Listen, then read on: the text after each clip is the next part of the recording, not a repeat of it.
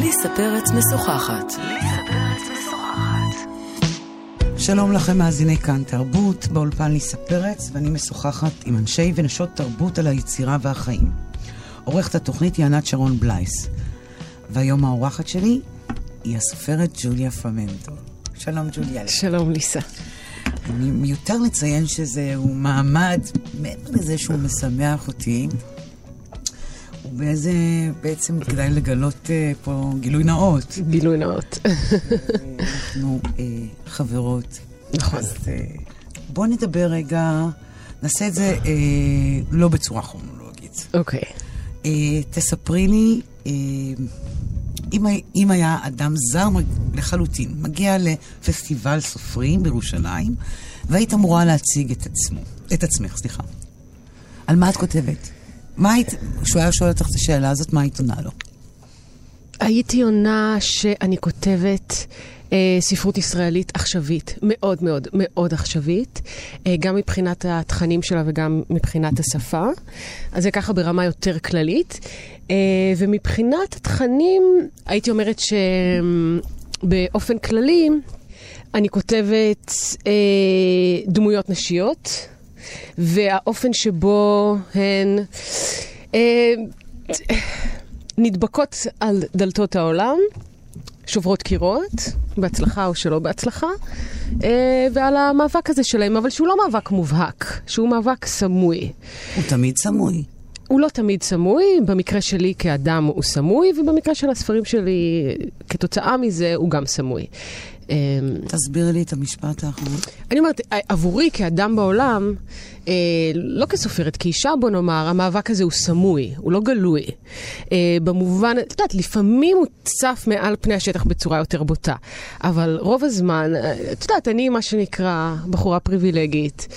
אה, העולם אה, היה לרגליי, כל הדלתות פתוחות בפניי, אה, חינוך, השכלה, כסף, כל מה שצריך. אה, אבל עדיין יש מאבק, ועל כן הוא סמוי. זה לא שהייתי צריכה שדלתות נסגרו בפניי במהלך חיי בצורה ברוטלית, ששמעתי את טריקת הדלת, זה לא המקרה. ועל כן, מכיוון שזאת החוויה שלי בעולם, אז אני גם, זאת החוויה שמעניינת אותי גם בספרות. אני כמובן אוהבת לקרוא דברים אחרים, אבל כסופרת מעניין אותי לתאר את המקומות הסמויים. הסמויים האלה.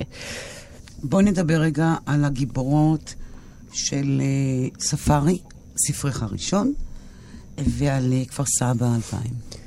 נדבר רגע על, על ספארי. ספרי לי קצת על הגיבורה הראשית. הגר בקמן, בחורה בת 20 וקצת. הייתי אומרת שרוב הספר מתואר בגוף ראשון, מנקודת המבט שלה, חלקים ממנו בגוף שלישי, והיא כזאת, אתה יודע, קוראים לו בספר, מתארים אותה בספר, היא מין פארטי צ'יק כזאת. היא סופר סופר תל אביבית, אה, היא אוהבת לצאת למסיבות, היא אוהבת להתלבש, היא אוהבת ללכת למסעדות, היא יוצאת עם, עם המון בחורים, אה, היא אוהבת לעסוק סקס, נהנתנית נורא, אה, דקדנטית הייתי גם אומרת. אה, והספר הוא אה, בעצם איזשהו מסע תל אביבי כזה שלה, שנהפך, שתל אביב נהפכת למקום שהוא בין ספארי לבין איזשהו ג'ונגל אורבני כזה, על המפגש שלה עם עוד בחורה שנראית בדיוק כמוה, אבל הופכית לה בשאר התכונות שלה, ובכלל בכל הגישה שלה לעולם, לבחורים, למיניות, ליחסים, שקוראים לה לואי קוק, אה, ועל ההתנגשות הזאת ביחסים ביניהם. הן מפתחות חברות מאוד מאוד קרובה, שמבוססת על קנאה גם, אבל גם על מין, גם זה מין יחסי אהבה, שנאה כאלה. רוצות כל הזמן לגנוב אחת לשנייה את הבחורים, רוצות אה, לגנוב לאחת לשנייה את האישיות, את הבגדים. אה, עד, אה, עד הסוף אמר, שיש אומרים שהוא לא אמר. זה אה, ממש החברה הגאונה, אבל שנים לפני. את עשית את זה. אה, לפני עשר שנים. נכון, לפני עשר שנים. החברה הגאונה, אבל כאילו, את יודעת, אה, אלקסטזי בבלוק. כאילו זה ה... כן, אבל הדינמיקה היא מאוד, הדינמיקה, דומה, נכון. מאוד מאוד דומה. נכון. הדינמיקה של היחסי קנאה והאהבה האלה, וה, והדמיון והשונות, ועל אחת שמצליחה ואחת שלא מצליחה. אה, נכון, לא חשבתי על זה, האמת. אולי בגלל זה אהבתי כל כך את החברה הגאונה. באמת? אוקיי, צלחת את זה, את כל ה... צלחתי את כל ארבעת הכרכים בשבועיים. אוקיי, טוב, זה בגלל שאת איטלקיה. נדבר רגע על הגיבורה של אה, כפר סבא 2000. גיבורה של כפר סבא 2000, דפני אנג'ל, היא תיכוניסטית, בת 16, שונה לגמרי מהגר בקמן, שנות אור. לומדת במגמת קולנוע, באה כזה מבית בורגני, כפר סבאי טוב כזה, מתוקתק. גם, אני חושבת שגם בכפר סבא 2000 וגם בספארי, על פני השטח הכל נראה טוב. ולא סתם נראה טוב, נראה אפילו ממש טוב. והפסאדה היא חומה עבה. ובכפר סבא 2000, מה שקורה, זה, זה הרקע, דפני באה מהרקע הזה. בתחילת הספר מתוארת פרשה שהיא בהשראת פרשה אמיתית, שזאת פרשת רצח אסף שטיירמן, זיכרונו לברכה, על ידי שלושה נערים ביער אוסישקין בכפר סבא בשנת 2000. וכשדפני והחבר הכי טוב שלה, דוד, בספר, נחשפים לפרשה הזאת, זה מאוד מערער אותם. זה מערער את כל עולמם, זה מעורר בהם קנאה והשראה באיזשהו אופן שכטינג'רים הם לא מסוגלים להבין, והם מנסים לצאת למין איזה מסע חיקוי שנכשל. מזל. מזל גדול, כן. עכשיו, אני, אני שמה לב שבעצם בשני הספרים האלה מאוד מאוד בולט איזה סוג של קריאת תיגר על בורגנות, או פרבר, פרבריות. כן. בורגנות, נורמליות, תקניות. מה בחיים שלך הוביל לכתיבה, או מרד של כתיבה, כנגד התמות האלה? מעניין. מה הבנת בגיל צעיר? שמה? מה הבנתי בגיל צעיר? שעובדים עליי. בצורה מאוד מאוד מתוחכמת, ושמוליכים אותי שולל. באיזה אופן הבנת את זה? באופן שבו אה, נתבע לי מסלול חיים מאוד מסוים, מאוד ברור ומאוד סגור. סגור לא פחות אה, ממסלולי חיים שאת יודעת, קיצוניים בכל מיני שכונות אה, חרדיות בירושלים. אה, ואני, בחוויה שלי הרגשתי שמסלול החיים שאני, ש, שטובים לי, אה, הוא סגור במידה דומה לכאילו נולדתי באיזושהי קהילה מסוגרת, ו, אה, ושבעצם לא ניתנה לי בחירה. לעשות מה שאני באמת? רוצה עם חיי, כן, אה, שניתנו לי שלל אופציות מעולות, יחסית לתקופה ההיסטורית שבה נולדתי, אבל שבחירה חופשית אולי אין לי כל כך הרבה. או בכל אופן שרציתי הרבה יותר חופש והרבה יותר אה, עצמאות אה, ממה שחשבתי אה, שהחברה מאפשרת לי. אה, הבנתי את זה בגיל מאוד מאוד מאוד צעיר. הבנתי את זה כילדה. כילדה. את יכולה לספר לי ולמאזינים שלנו, נאמר, על איזשהו אירוע מכונן או מהלך מכונן שהיית חשופה אליו והבנת שהוא בעצם מגלם את התרמית הזאת? אני חושבת שזה לא, זה לא היה אירוע מכונן. זה, זה להפך, זו תופעה שהיא ההפך מאירוע מכונן. כי אירוע מכונן זה משהו מובהק שאפשר לשים עליו את האצבע, ואפשר גם להגיד, בזה אני לא מעוניין. אבל משהו, ב, בוא נאמר, בבורגנות, הבורגנות הפרברית הזאת אה, היא האנטיתזה לאירוע המכונן. היא שלל אירועים קטנים. ז, זאת... אה, זה כולא אותך באופן שאתה לא יכול, אה, מאוד קשה לשים אצבע מאשימה על משהו אחד. אין איזה גורו שכולם עוקבים אחריו, אין באמת איסורים, אין איסורים. ממשיים. מותר לי ללכת ללמוד מה שאני רוצה, מותר לי ללבוש מה שאני רוצה, לנסוע לחו"ל וכולי וכולי וכולי. אז, ועל, ומכיוון שאין איסורים אה, חד משמעיים, אין גם אירוע אה, מכונן אחד. אה, אבל מה שראיתי בתור ילדה ואחר כך בתור נערה, אני חושבת בעיקר בגר, בקרב אנשים, האימהות של החברות שלי, האחיות הגדולות, שמשהו שם... שעול, שיש משהו במסלול הנשי, ושהן הולכות כצאן לטבח, לנישואים ולהבאת ילדים לעולם, ושהן לוקחות משכנתה וכולות את עצמן בארבע קירות, אה, עם הציפוי קרמיקה היפה, ושהן לא הולכות לצאת משם. וזה הפחיד אותי פחד מוות, זה כאילו אולי נשמע דרמטי, אבל, אבל uh, הרגשתי בתור ילדה ונערה שאני צריכה uh, לברוח מהדבר הזה. והיית מודעת לעובדה שבמידה ותברכי מהחיים האלה, גם לבריחה עצמה יש אה, מחיר, כלומר, היא, היא פשוטה לא פחות. לא הייתי מודעת לזה, ממש לא. מתי יכולה- הבנת שהבריחה ממ- שלך... ממש לא מזמן. ממש אה, בכמה שנים האחרונות. אה, את יודעת, אה, וגם הבנתי שבריחה מלאה היא גם לא אפשרית, או לפחות היא לא אפשרית לי. וגם שאני לא מעוניינת בבריחה מלאה. אה, מכיוון שכאמור, לא באמת הגעתי מאיזושהי קהילה אורתודוקסית אה, מחמירה, הגעתי ממקום שהוא גם אה, מאוד נוח ומאוד מקבל, ושאני גם מאוד, שיש בו אלמנטים שאני מאוד אוהבת, ושחלק מאורחות החיים האלה אני גם מעוניינת לשחזר וגם לא יכולה לוותר עליהם. אז הייתי צריכה לנהל משא ומתן עם הדבר הזה. אני, תראה, אני לא אנרכיסטית שגרה בסקווטים, ואני לא אצטרף עכשיו לקומונה וכל הדבר הזה. אני אוהבת את הבגדים שלי יפים ואת, ואת המסעדות. אה, ברור. אה, אז אה, איך אני מנהלת משא ומתן עם הדבר הזה? איך, ש- את עושה- איך את עושה? מה, מה, מה, מה הכלכלה של זה? תראי, היום אה, אני כבר נמצאת בנקודה שכמעט שום דבר לא מאיים עליי. אה, לכן אני מרשה לעצמי לקטוף מ- אה, מאיזה אורח חיים שאני רוצה, מה שבא לי. אז זה כזה מין מיקס אנד מאץ' כזה. בעבר, אם היו סממנים של, ה, של הבורגנות הזאת, בוא נאמר במחאות כפולות, שהרגשתי שאני משתתפת בהם, אז זה הרגיש כאילו כל מה שאני בונה הולך להתמוטט. אבל היום אני מרגישה יציבה מספיק, ו, וזה לא מאיים עליי. אמ, אגב, אה, כמי שקרא את הספרים שלך, אני מתה על הגיבורות הנשים שלך. הגיבורים הגברים, אני פשוט בזה להם. את מודעת לבעיה שיש עם הבחורים האלה בספרים שלך?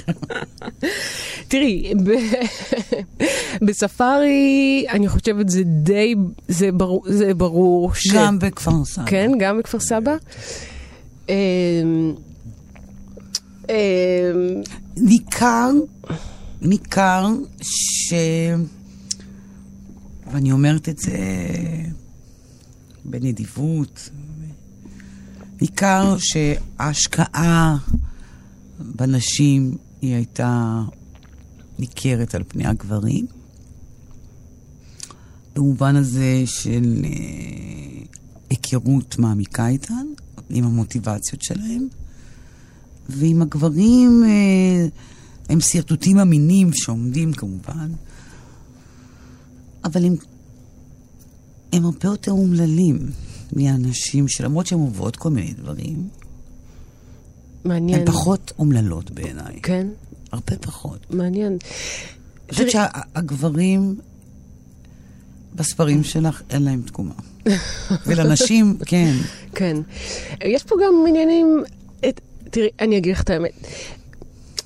גברים בספרות אה, לא כל כך מעניינים אותי. גברים בחיים מאוד מעניינים אותי. זה המשפט שרציתי לשמוע. קדימה, עכשיו תפרקי אותו, בבקשה. אה, תסבירי לי, מה זאת אומרת? זאת אומרת ש...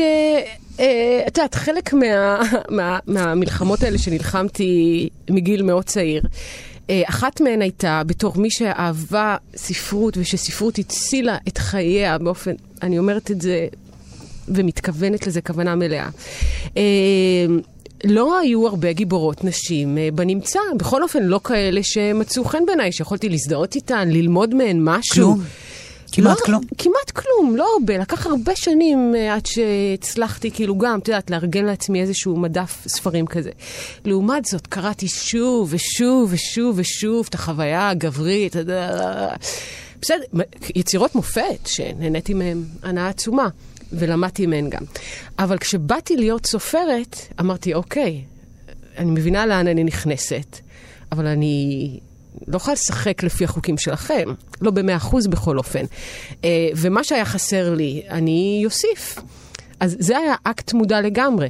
רציתי ליצור דמויות נשיות, שאם הייתי מדמיינת את עצמי בת ה-17, את יודעת, בחדר נעורים שלי, בבית של ההורים שלי בכפר סבא, מוקף הברושים, ספר שהייתי קוראת, והייתי אומרת, fuck, יואו, הנה, ככה.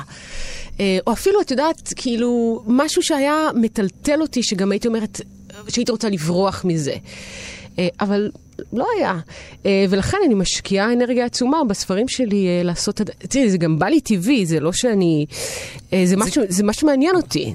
אבל יש פה גם צדק היסטורי, אני לא אשקר. יש פה... שהוא בירכתי התודעה. הוא בירכתי התודעה, כי ברגע שזה נהפך לפדגוגיה, זה לא מעניין. אה, ואין בי, את יודעת, אולי הגברים אומללים בספרים, אבל אה, גם לא, פחות... אה, את, אני כאילו מגדירה את עצמי, ברור, אין בכלל ש, שום שאלה כפמיניסטית, אה, אפילו מאוד פמיניסטית, אבל אין בי שום, אין, לי, אין בי בוז אה, כלפי גברים. יש לי אולי איזשהו כעס אבסטרקטי כזה, אבל לא אינדיבידואלי. אה, וגם משהו שלא ממש מלווה אותי בחיי היום-יום שלי.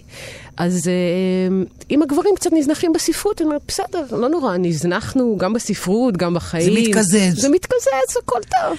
ואם היו שואלים אותך, איזה תרומה, ממש דרך הקוף המחט שלך, תרומה נתת לאישה בספרות הישראלית, איזה תרומה היית אומרת? אה, לדבר איך שבא לה. לקנות הרבה בגדים, להזדיין, לאכול. אה, לנסות לנצח ולהפסיד בכבוד. זה משפט חשוב מאוד. כן. לא להיות קורבן. לא, לא להיות קורבן, חס וחלילה. גם הקורבנות שלא יהיו קורבנות. אלא? Um, בעידן שבו אנחנו נמצאים, uh, אין מקום לזה בעיניי. Uh, וגם על הקורבנות לקום ולהילחם כאילו כלום. אמ, גם בספרות וגם אה, בחיים. זה לא כמובן תמיד מתאפשר לכולם, אבל... את אה, בהתחלה שאת כותבת אה, אה, מציאות עכשווית, גיבורות עכשוויות, אבל אה, אני בטוחה שזה יושב על איזה אה, השכלה או אהבה של ספרות ישראלית עברית. ועם השראות גם. אני בטוחה מהיכרות, אני כן. אומרת את זה כמובן, ואני רוצה ש... בואי תדברי איתי על זה, תחשפי. מי... בוא נתחיל עם פוגל, אהובך הנצחי. אהובי הנצחי, לגמרי. המוזהב, נכון? מאוד, מאוד. היא בעל המעמד ה... כן, נכון? ממש. משלו. פוגל אה, בעל מעמד משלו, לגמרי. אה, הייתה לך הופעה נהדרת, אני רק אציין, אה, בסרט על דוד פוגל.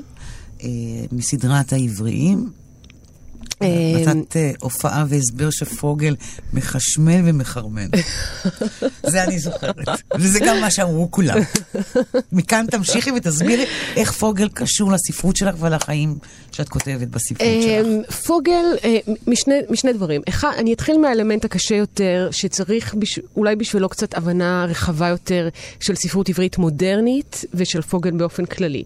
אבל היום שפותחים את חיי הנישואים, או, או את רומן וינאי של פוגל, אז העברית נשמעת אה, ארכאית ומליצית ומיושנת, ואת יודעת, לעין בלתי מזוינת זה נראה כמו עגנון. אבל פוגל הוא כי...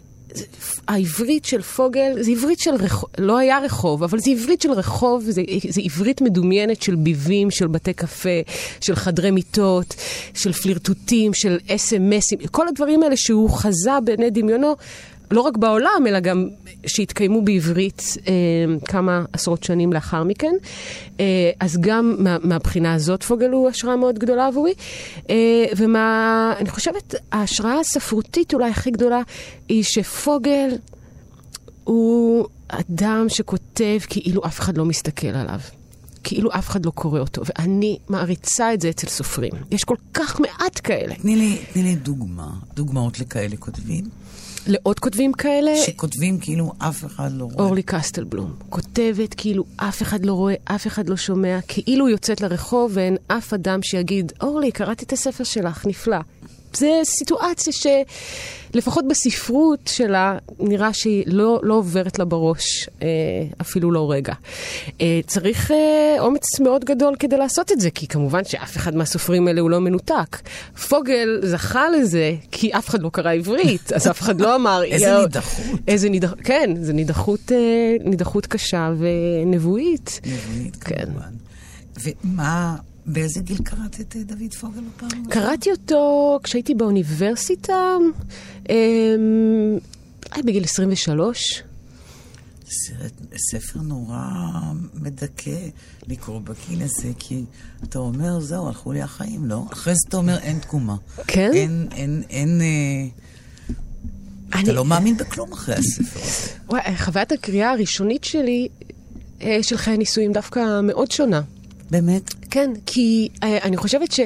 מבחינת יחסים, אמרתי. אה, מבחינת יחסים, נכון, אבל אני חושבת שקראתי את זה יותר כהספרות שבזה, אה, זה הפיל אותי. וזה, וזה נתן בי איזשהו כוח חיים, איזושהי בעירה. אני חושבת שבמיוחד בהתחלה, סופרים בתחילת הקריירה שלהם, הרבה מהבעירה שלהם, אה, עם איזשהו צורך לחכות. אז גם אם היצירה נורא נורא מדכדכת, אבל אתה אומר, כזה אני רוצה, אני רוצה את האנרגיות האלה, אני רוצה את החופש הזה. אז uh, זה מילא אותי, מה, אני החזקתי את הספר uh, קרוב לליבי, זה לא קורה כן? הרבה. לי, אותי זה ממש... אה, זה כמעט סגר את הגולה. על מערכות יחס. אמרתי, טוב, נידונו לה- פשוט ליחסים האלה. למה? כי אמרתי, אין הרי תיאור יותר אה, סורי- סוריאליסטי ו- וקונקרטי כמו, כמו פוגל. הרי זה גם הזיה ומצ... זה נכון. הדבר עצמו. נכון. וגם uh, היפוך היחסי הכוחות בין גברים לנשים, שזה בכלל... Uh, זה חלום בלהות, שזה מתואר שם. כי אמרתי, רגע, אנחנו יכולות להקצין עד לשם? כלומר, זה הרנג'? ככה פתחו לנו אותו? כן. וואו, זה די מדהים. זה די מדהים. מי עוד?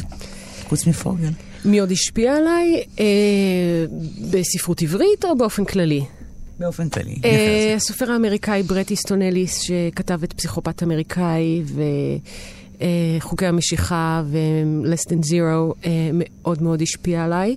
Uh, גם במור... באיזה אופן הוא השפיע עלייך? אמ, שהוא לימד אותי איך, אמ, איך העכשוויות, איך הרגע, כשמתבוננים בו באופן מאוד בהיר וחד, אה, הוא לא בזוי מבחינה ספרותית. למה? אה, הוא פואטי. את יודעת, יש משהו, המסורת של הספרות הרי מגיעה מהמקום הזה שבו, אני תמיד אה, חושבת על בוקאצ'ו, שכותב את הדקמרון, והוא הסופר שעומד על הגבעה ומתבונן בכל אה, מה שנפ... מתבונן בפירנצה שנפרסת מתחתיו, אה, ועם איזשהו מיקרוס... מיקרוסקופ ספרותי כזה נכנס לחדרי ליבם של האנשים, במין עמדה באמת... אה, של אה, כמעט אלוהית כזאת. Uh, והפרספקטיבה הזאת של הסופר שעומד על ההר ומתבונן מלמעלה, um, זה משהו שגם הרגשתי שאין לי גישה אליו כאישה, uh, באופן מאוד אינטואיטיבי, זאת לא נקודת המבט שלי. Uh, אני לא יכולה לעמוד על ההר ולהסתכל על מה שקורה וזה, וזה בסדר, יש לי נקודת מבט אה, אחרת שבעיניי, איזה נקודת מבט אחרת? אני יכולה להסתכל עין בעין. עין בעין. זה הרבה יותר חזק בעיניי. אה, אין לנו שאיפה להיות אלוהים, את קולטת? וכן, שזה... זה רע. בעיניי זה רע. זה רע מאוד. זה רע מאוד, נכון. אבל אה, לא הגיע הזמן שיגמרו עם העידן של אלוהים? בסדר, בינתיים. בינתיים, עוד- כן. קצת שיש לו עוד פופולריות. בוא- בואי לפחות ניתן לה כתר. אנחנו אפילו את זה, את אומרת לי, אני אפילו את זה לא רוצה להיות. אני, כן, כי את יודעת, אני בתור אחת שיוצאת לעולם למלחמה, להרבה מלחמות, אה, המטרה שלי היא לנצח. אם צריך להפסיד, אני אפסיד בכבוד, בסדר, אבל אני רוצה לנצח. אז אה, אם אני רוצה לנצח, אני לא אנסה להיות אלוהים, אני אנסה לגייס את הדברים האחרים שניחלתי בהם. רגע, תחזרי להשפעה של ברטיס אז, אז ברט איסטון אליס, מה שהוא עושה, באמת, הוא, הוא משתחרר מהעמדה הזאת של המתבונן על ההר, והוא מוריד את נקודת המבט לפרטים. את יודעת, הוא עושה, הוא כותב סצנה שלמה רק מלהתבונן על משקפי הראייה המעוצבים שיושבים פה על השולחן. והוא מבין אנשים דרך החפצים שלהם.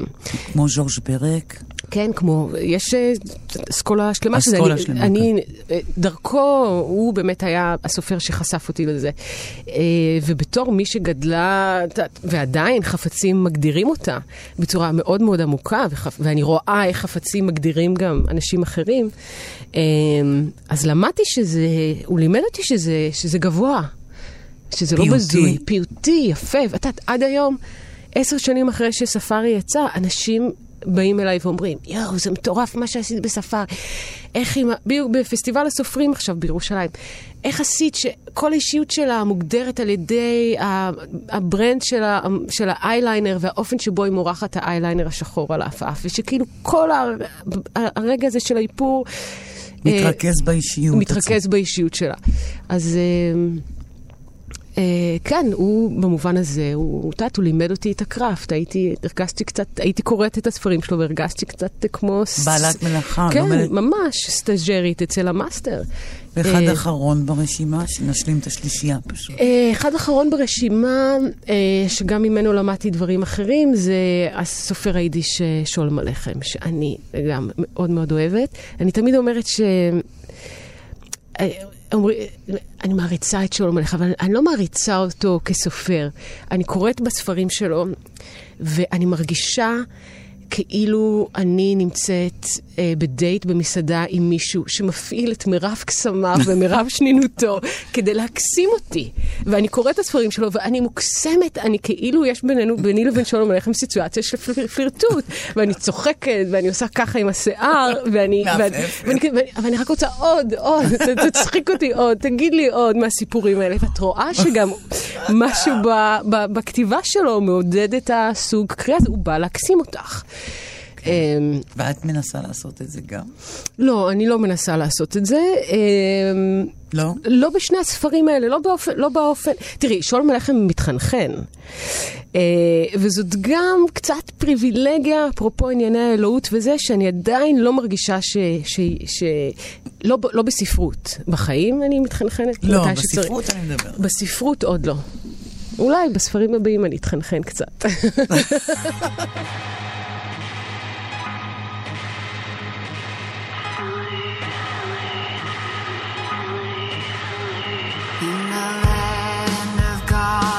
monsters. I was an angel.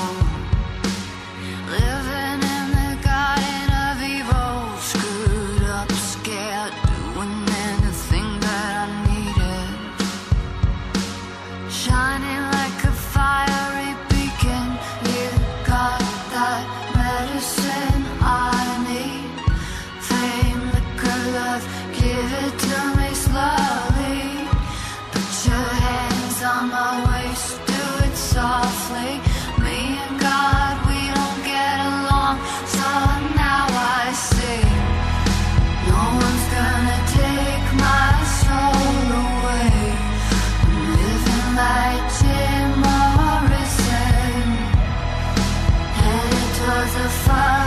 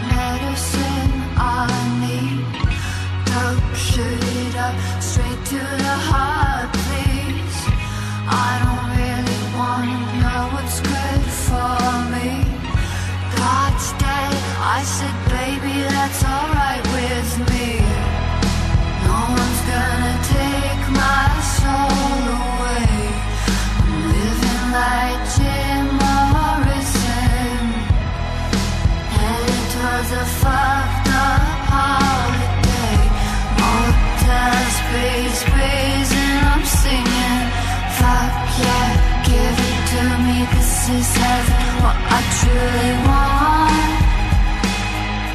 It's innocence lost. Innocence lost.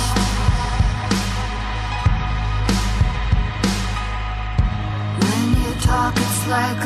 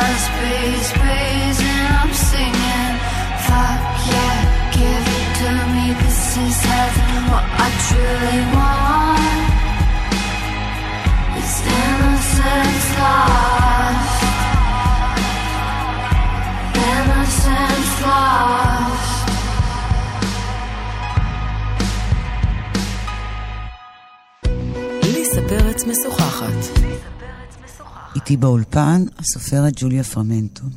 ג'וליה, אני רוצה שתקריא לי קטע מתוך כפר סבא 2000. בסדר, אני אקריא את, ההתחלה של הספר. זה נקרא הקדמה, דצמבר 2000. בגיל 17 הייתי שופט בני אדם לפי תורת האבולוציה של דרווין. אדם מכוער הוא אדם טיפש. באופן אישי יש לי סלידה מליאור. אני רואה בו אדם מכוער. זלזלתי בו, ולכן לא הייתה לי הסתייגות להתנפל עליו.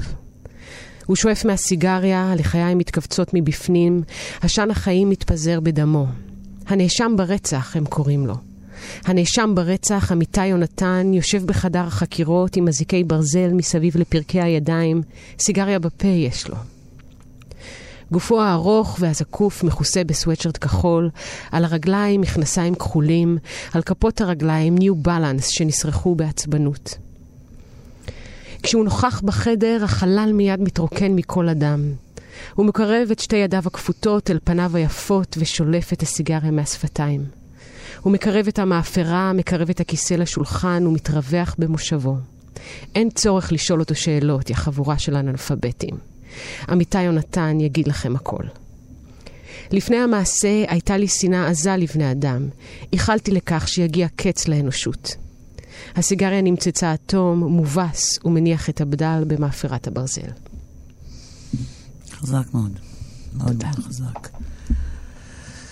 לא שאלתי אותך, אה, זה מתקשר דווקא לספארי, שספארי התאפיין בין השאר בתיאורי מין אה, נועזים מאוד, אה, קיצוניים, מרחיקי לכת. אנחנו כמובן לא, לא נגלה למאזינים שיש להם את האפשרות ללכת לחנות ולרכוש את הספר, אבל אני זוכרת שהמבקרים כמובן בזמנו שיצא הספר ציינו את זה, זה הובלט גם בראיונות איתך. וזה מוביל אותי לשאלה גם כן שקשורה לספרות הישראלית ולמגע שלך איתה. כשאת ניגשת לכתוב את הטקסט, אה, את הקטעים על המין, את זוכרת קטעי מין בספרות הישראלית שהפילו אותך מהרגליים? או שלא הייתה חיה כזו? לא הייתה חיה כזאת, אה, בטח שלא אז, ולא זכור לי שגם היום, לא זכור לי שגם היום. מה, אה, אז מה, אז מה, כאילו, מה הדפקטיות? מה אנחנו לא הדפקט? יודעים לכתוב את זה? יודעים לכתוב, אבל הולכים לארוחת שישי כל ערב, רואים את אבא, רואים את אמא, לא נעים. לא נעים. קטן מדי, חברה קטנה. ולאן זה נופל כשמתואר מין? אה, זה נופל ל... את יודעת, שימוש באיזושהי שפה מליצית גבוהה.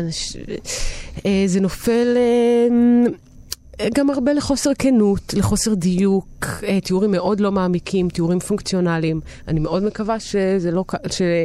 את יודעת, אם היה מגיע מישהו מבחוץ ובודק איך עושים סקס הישראלים, שלא היה לוקח את הספרות העברית כדוגמה, כעדות לאופן כשדה שבו. ל- לחקור אותו. ממש.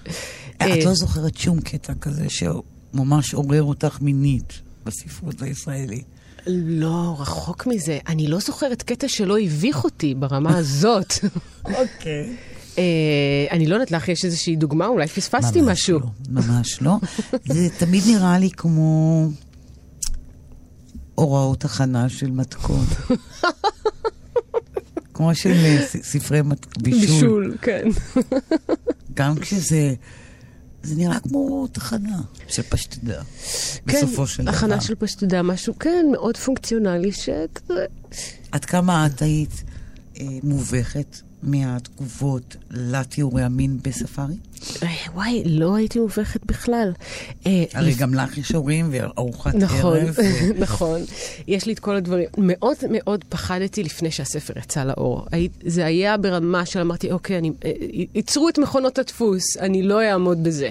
אני עוזבת את הארץ. כן, אני עוזבת את הארץ. באמת נסעתי לחצי שנה כשהספר יצא. אמ, אבל להפתעתי, חשבתי שיחשבו שזה פורנוגרפי, שזה, ש, שלא יבינו את זה, ודווקא להפתעתי הבינו את זה מאוד באופן הספרותי שלו. אה, אתה יודע, זה הספר ש, ש, ש, שהכניס אותי אל תוך אה, הזירה הספרותית. זכיתי למעמד ספרותי מיד בעקבות הספר הזה. נכון. אז אה, הת- התוצאה הייתה... כי אה, את יודעת למה? כי הסקס בספר ספארי הוא בעצם, הוא אינסטרומנט, כחלק מהרבה אינסטרומנטים שהאישה הזאת מחזיקה ביד. כלומר, זה בגדים, זה סקס, זה מסעדות, מותגים, כן. מסיבות. זה עוד אינסטרומנט כן, זה- שמגדיר אותה. נכון, שמגדיר אותה, אבל שהיא עושה בו כרצונה. בסדר. אין לה סנטימנטים. ברור, למה לבגדים אנחנו מתחבקות עם בגדים? נכון. משוחחות איתן? לא, אבל נהוג בסקס לפעמים לערב סנטימנטים. מעט. תגידי, אמ, וגם בספר הראשון שלך, את עוד דבר שהוא קופץ לעין מיד כשרואים את הספר, היא- זה השם שלך. את כותבת מתוך שם עט. עכשיו, בגלל שאני מכירה את זה על עצמי, אני רוצה לשאול אותך, איך זה לכתוב מתוך שם עט? אמ, זה נותן אה, הרבה חופש. את יודעת, זה, זה, זה מדלל את העוצמה של הארוחת שישי הזאת ש, ש, שדיברנו עליו, ויש איזה מקום שבו אני יכולה להתקיים אה, באופן מבודד. אה, ובעיניי זה עושה טוב לספרות, או לפחות אני חושבת שזה עשה. כן? כן, כי אני לא מחויבת לכלום, אני... אה, ותמיד יש את השאלה, את איטלקיה? נכון, יש תמיד את השאלה. יש תמיד את השאלה הזאת. אה, גדלתי בצל התרבות האיטלקית, זה היה משהו מאוד חזק אצלנו בבית, השפה, התרבות, אה, האוכל כמובן, הרבה אלמנטים. אה, בקרוב, לא בספר הבא, אבל הבא הבא. אגב, את יודעת ששמת, לפחות שאני אימצתי, זה היה קצת בשביל, בשביל שנאמר מישהו שהכיר אותי בתיכון יגיד, לא יהיה בטוח שזאת אני. כלומר, יגיד, רגע, אבל זאת היא או לא היא? רק בשביל, כאילו, הבלבול הזה. כן, מה, ל... כאילו ליצור איזה סוג של... אה, אה, סוג של איזה... מסתורין? לא, אי נוחות כזאת. אי נוחות. וגם אני חושבת שאדם ברוך מאוד השפיע עליי בעניין הזה. כן, אדם מתהלך בעולם, נכון. עיתונאי, כן. שם אדם ברוך. כן. וואו, גם משמעויות לשם כן. הזה. ואמרתי, טוב, אה, גם לי בא. למה לא? נכון, זה, זה נותן אה, חופש, וגם אני חושבת ש... כשאתה, כש, שיש לך שם עט, אז אה, יש לך גם, מתחילה איזושהי שושלת בעצמך. זה גם נותן הרבה. כוח. שלום עליכם, הוא היה שער לעיסוק שלך, אנחנו צריכים להגיד פה למאזינים. את לומדת אה, ספרות יידיש? נכון, את, כן. את, את עכשיו מתמחה בזה? כן. נכון? כן, אני עושה דוקטורט, דוקטורט, בספרות יהודית אמריקאית שנכתבה ביידיש אה, בתחילת המאה ה-20. והוא היה השער שלך לזה? שלום עליכם. אה, בין היתר, כן. אני חושבת שהוא הוא ומנדלה מוכר ספרים, שנחשפתי לספרות שלהם, אה, מאוד אני... אה, נכנסתי לדוקטורט, לנושא, לתחום המחקר שלי, באופן פרדוקסלי כסופרת ולא כחוקרת. אה, כי האופן שבו אה, שולם הלחם ומנדלה מוכר ספרים, ש- כש- שממש נכנסתי, נכנסתי לקריאה אינטנסיבית של הספרים שלהם, היה משהו שרציתי באיזשהו אופן אה, לגייס לעצמי כסופרת, וזה ספרות אוזן, ספרות שמבוססת על האופן שבו אנשים מדברים. את יודעת, יש את הסיפור הזה על שולם הלחם, שהוא אה, היה הולך עם פנקס ועט ועוקב אחרי אנשים ברחוב, ומה שהם היו אומרים ככה ביידיש, כל. על ה- את יודעת, הבדיחות, הביטויים, ה- הוא היה מעתיק. אה, פשוט. מעתיק, זה, זה מעולה. אה, אז, אה, אז גם זה היה איזשהו קסם שמשך אותי, וגם זה היה לי ברור שאם הולכת לעשות דוקטורט בספרות, אני לא, עם כל העניין שלי בתרבויות אחרות, אני לא באמת אוכל להשקיע את חיי במשהו שאינו תרבות יהודית. באמת? כן. כי מה? כי קודם כל, אני חושבת שזאת באמת אח- אחת, אם לא התרבות המרתקת ביותר. אה, היהודית. התרבות היהודית, כן. המודרנית, הכוונה. אה, המודרנית, ללא ספק, גם, גם הלא מודרנית, בזה אני לא עוסקת, אבל בגלגול הבא אולי אני אעשה דוקטורט ב... כמעט לא אופנתי אה, לומר את נכון, זה לא אופנתי בכלל, אבל אה, אה, אני, זה מרתק אותי, וגם אה, יש לי איזושהי, את יודעת, אפרופו דברים מה, מהבית שרוצים לברוח מהם ואי אפשר לברוח מהם, המחויבות שלי לגורל העם היהודי, כפי שהוריש לי אבי, היא משהו שאני לא יכולה לברוח ממנו. ולא מנסה גם, להפך, מתמסרת. ואת חושבת שהחיבור לספרות היידיש היא, היא, היא הדבר הזה, היא החוליה הזאת. כן, אני חושבת. זה כאילו, זה קצת הנישה שלי בתוך הדבר הזה. אבל uh, לחלוטין... למה אמרתי שזה לא אופנתי? כי את אמורה לעסוק באיזה פוליטיקת זהויות בתוך הספרות הישראלית. האימא של החייל, החיילת. כוס. הקפה. כן, אה, נכון, אה, הכיבוש כאילו, הפולש. וזה- זה, לא מעניין וזה אותי. בכלל, את לא שם. אני ממש לא שם. קודם כל, רגע, מותר ללכלך בתוכנית? בוודאי. יפתחו שערי השמיים. אה, אני חושבת שזה לא מעניין. אה, אני אפילו חושבת שמבחינה היסטורית זה עדיין לא רלוונטי. וואלה. כן. אה, ואני גם חושבת שלפני שאנחנו ישראלים, תל אביבים, ציונים, כל הדבר הזה, אנחנו, אי אפשר להיפטר מהגלות כל כך מהר. אה, ואנחנו עדיין, זאת עדיין התודעה. כאילו, מה את אמרת? אנחנו יהודים קודם. נכון, אנחנו יודעים קודם כל. אין לי איך להגיד את זה באופן שזה לא יישמע כאילו אני מצביעת אה, הימין לאומני. החדש. בדיוק. אבל זה מאוד לא במקום לאומני. זה תרבותי. זה מ- תרבותי, תודה, פילוסופי, אופי. לשוני, גם גלותי. אה, אה, קשה לי מאוד להסביר את זה באופן... את יודעת, כשאני מסבירה את זה בארץ, חושבים, אה, או שאני איזה דתייה או ימנית או זה, שאני לא זה ולא זה. כשאני מסבירה את זה בחו"ל, חושבים שאני עוכרת ישראל, שמנסה להיפטר מהעברית ומהציונות וכזה איזה עמדה פוליטית כזאת, שזה גם לא נכון. אני לא שם ולא שם. אז איך את, כשאת נדרשת להסביר, יש לך הסבר מפוצל? כלומר, לא, אין לי הסבר מפוצל. קודם כל, אני לא מרגישה מחויבת לשום עמדה פוליטית אה, בכל מה שנוגע לתחומי העניין שלי. אה, והתרבות היהודית והספרות היהודית גדולה מכדי שידחסו אותה ל, לכיבוש או ל, ל, לאנטי-ציונות או לכל הסוגיות האלה. נגיד, אבל אם היית חיה לפני 100 שנה או 80 שנה, אז היית סופרת יידיש. אה, כן, סביר להניח שהייתי סופרת יידיש. אה, יש סופרת יידיש שאת אוהבת? אה, יש כל מיני, אני יותר משוררות הייתי אומרת, יש משוררות שאני אוהבת. אני בטח הייתי סופרת יידיש עם כל מיני פנטזיות כאלה על פלסטינה, זה נראה לי, האקזוטיקה של זה, אני בטוח הייתי גם סופרת היית יידיש. נופלת לשם.